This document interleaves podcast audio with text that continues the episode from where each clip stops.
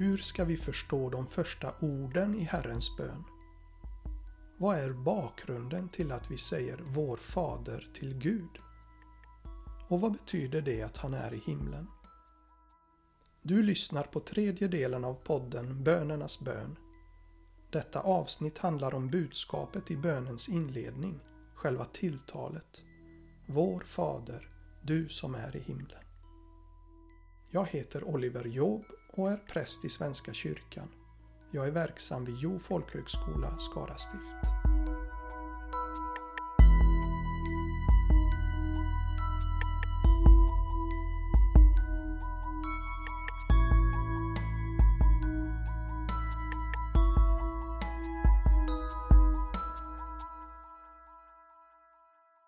Vi tilltalar människor olika beroende på hur nära bekanta vi är. Okända och uppsatta personer tilltalar vi formellt medan vi väljer ett förtroligt tilltal när vi vänder oss till våra nära och kära. Bön är samtal med Gud. Bönens tilltal säger något om denne Gud som vi vill samtala med och det avslöjar vad vi har för relation till honom. Vad betyder det att tilltalet i bönernas bön är Vår Fader? Hur kan vi förhålla oss till detta uttryck? I ett tidigare avsnitt nämnde jag att lärjungar och andra fick höra Jesus själv be vid olika tillfällen. Nya testamentet vittnar om att Jesus själv alltid använde tilltalet Fader när han bad. Förutom vid ett tillfälle som vi kommer till senare. Förtroligheten kan förklaras med den unika relation som Jesus hade till sin fader. Evangelisten Johannes skriver Ingen har någonsin sett Gud.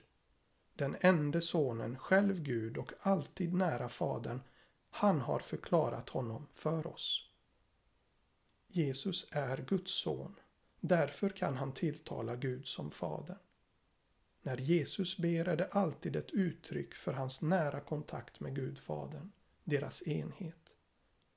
Det är något alldeles unikt i all sin gudomlighet och därför är det stort att vi får blicka in i denna innerliga relation. När evangelisten Markus berättar om Jesu bön i Getsemane innan han tillfångatogs låter han oss höra ordet som Jesus uttalade på sitt modersmål arameiska Abba. Det översätts bäst med pappa. Abba användes både av barn och vuxna på Jesu tid när de talade till sina fäder. På svenska låter ju fader ganska högtravande och gammaldags. Jesu tilltal var inte högtravande. Vi förstår att han vände sig till Gud som sin älskade pappa. När lärjungarna ville lära sig be av Jesus så lät han dem säga Vår Fader till Gud. Han hade kunnat lära dem ett mer högtidligt och vördnadsfullt tilltal. Till exempel Allsmäktige Gud eller Herre vår härskare. Jesus lär sina lärjungar säga Vår Fader. Samtidigt säger han aldrig själv Vår Fader tillsammans med dem. Han skiljer alltid på min fader och er fader. Det är förståeligt att vi aldrig kan ha Gud som vår far i samma bemärkelse som Jesus. Betyder det att Gud är en avlägsen far för oss? Ungefär som att vi kan ha en pappa som är vår biologiske far som vi vet finns någonstans men som vi inte har någon närmare kontakt med. Jag tror att många kan uppfatta det så. Gud är ursprunget till vår existens. I den bemärkelsen kan han kallas fader. Men det är omöjligt att ha en nära relation med honom.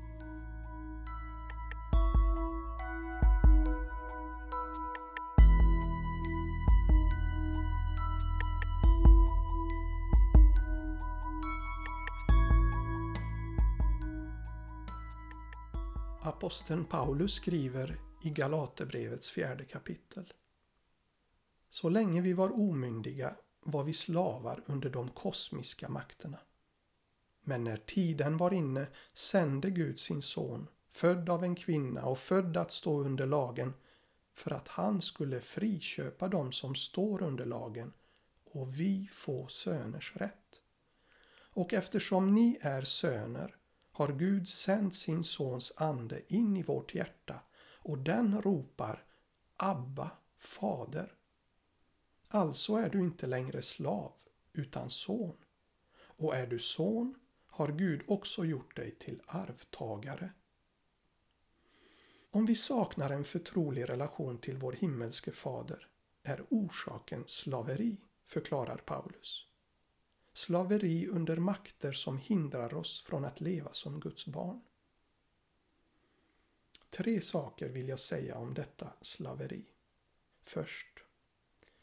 Vi känner mycket väl till hur vi människor kan förslavas. Vi känner till hur ett återkommande destruktivt beteende kan förslava oss, skada oss själva och såra andra. Vi känner till hur jakten efter mer pengar och egendom kan hålla människor i sitt grepp. Hur svårt det är att bli fri från beroendet av andras ständiga bekräftelse och gillande. Ja, slaveriet kan yttra sig på många sätt. Men roten är gemensam. Det andra. Denna rot, detta grundproblem är vårt stora avstånd till Gud. Ett avståndstagande från vår sida. Detta som kallas synd enligt Bibeln. Synd är släkt med ordet sund på svenska. Ett sund skiljer landmassor åt. Synden gör att vi inte kan nå Gud och få en nära relation. Att vi inte ser på Gud som en omsorgsfull far. Och det tredje. Varje befrielse från slaveri har ett pris. Var och en som försökt bli fri från något som förslavar vet att det är kostsamt. Det är därför Paulus använder bilden av att vi behövde bli friköpta. Jesus friköpte oss från något, nämligen syndens slaveri. Jesus friköpte oss också till någonting. Någonting som gör att vi av hjärtat kan ropa Abba, Fader. Och när Paulus skriver detta har han med all sannolikhet Herrens bön i bakhuvudet. Jesus friköpte oss till att få söners rätt. I antiken kunde en man som hade en egendom, på liknande sätt som i vår tid, adoptera en son som blev arvtagare. Den som adopterades och fick komma in i familjen som en ersättare, som kunde vara en tjänare eller slav rent av, kunde därmed ärva en hel förmögenhet. Gud hade redan en älskad son. Han behövde inga ersättare att adoptera. Och ändå ville han bjuda in oss människor till att också bli arvtagare. Sonen själv inte bara tillät att detta hände, att han fick dela sitt arv med oss, utan han betalade det högsta möjliga priset för att göra det möjligt. Han gav sitt liv. Jesus offrade sig som vår bror för att vi skulle få Gud till vår far. Vi får säga vår fader i en förtrolig mening till Gud för att Jesus avstod från allt. Han avstod till och med den förtroliga närheten till sin fader. När Jesus dog på korset så hände det oerhörda att relationen mellan fadern och sonen bröts. Därför ropar Jesus Min Gud, min Gud, varför har du övergivit mig? Han säger inte Abba, fader på korset. Det är enda gången han inte gör det. Vilken ofattbar smärta det måste ha inneburit. För en son att bli fråntagen sin faders beskydd. För en älskande far att överge sin son. Så älskade Gud världen att han bröt kontakten med sin son för att återknyta kontakten med oss. Så dyrbart betalade Gud för att vi skulle få söners rätt. För tydlighets skull måste sägas att kvinnor äger söners rätt i lika hög grad som män. Paulus skriver strax innan det avsnitt vi hörde något som på den tiden var revolutionerande. Nu är ingen längre jude eller grek, slav eller fri, man eller kvinna. Alla är ni ett i Kristus Jesus. Men om ni tillhör Kristus är ni också avkomlingar till Abraham och arvtagare enligt löftet. Jesus Kristus har öppnat tillgången till arvet för alla, fritt, utan att vi behöver röra ett finger. Av nåd. Johannes utbrister i sitt första brev. Vilken kärlek har inte Fadern skänkt oss när vi får heta Guds barn?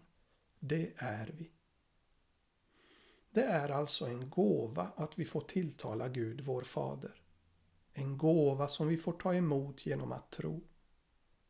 Vi får tro att vi är Guds barn för Jesus skull. Och det är en övning i tillit. Varje gång vi ber Herrens bön får vi öva på att lägga våra liv i Guds omsorgsfulla faders händer. Gud vill inget hellre än att ta oss i sin famn som sina älskade barn. Därför har han också gett oss dopet, där han konkret tar upp oss i sin familj, för att ge oss ett fäste för vår tro, så att vi aldrig ska behöva tvivla på om vi verkligen är arvtagare. I dopet skänker han oss dessutom en avgörande hjälp. Han sänder sin sons ande i våra hjärtan för att vi med barnslig förtröstan ska komma ihåg att frimodigt ropa till honom varje stund vi behöver hjälp.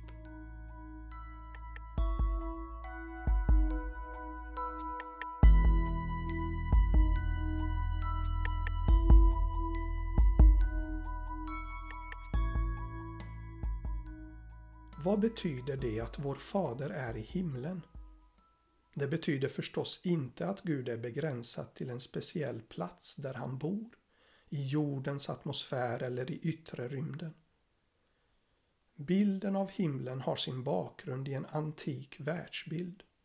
Men det är en talande metafor för Guds rike med sitt ljus, sin oändlighet, riktningen uppåt. Himlens dimension är transcendent. Den når bortom allt vi kan utforska med våra mätinstrument. Paulus uttrycker det så här om Gud. Aldrig kan någon utforska hans beslut eller spåra hans vägar.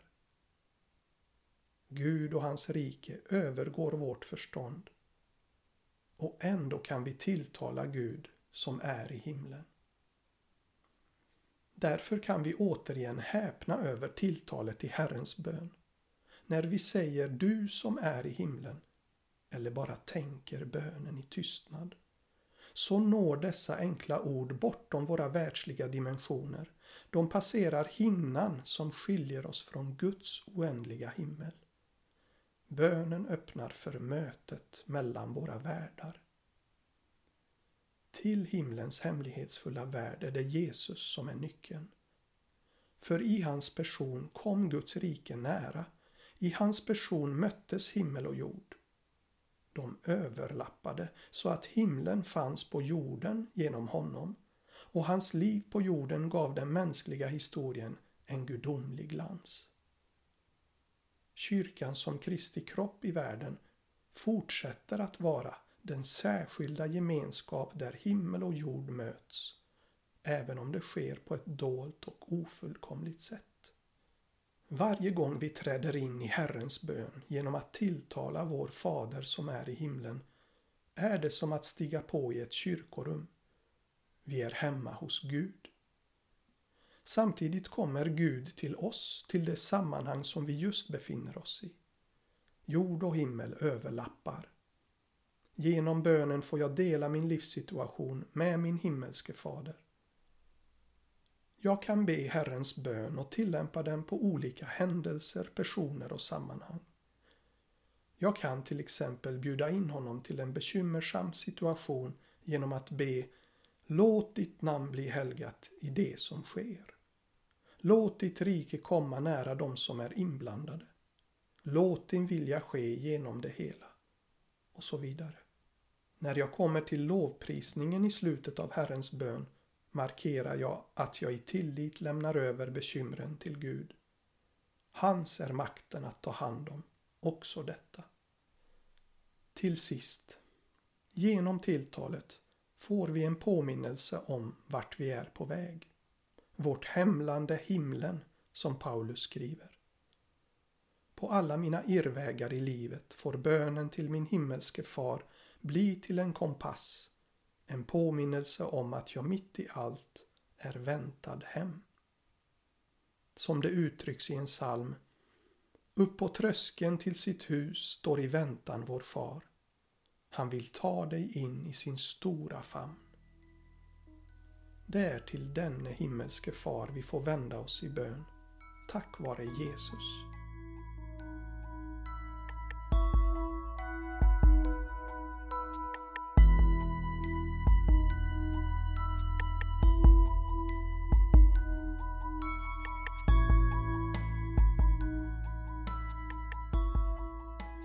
I nästa avsnitt av Bönernas bön samtalar jag återigen med Magnus Nordqvist.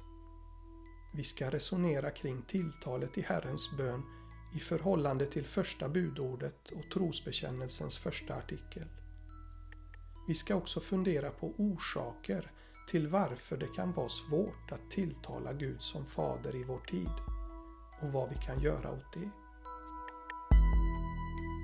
Musiken i podden har Josef Rimshult bidragit med.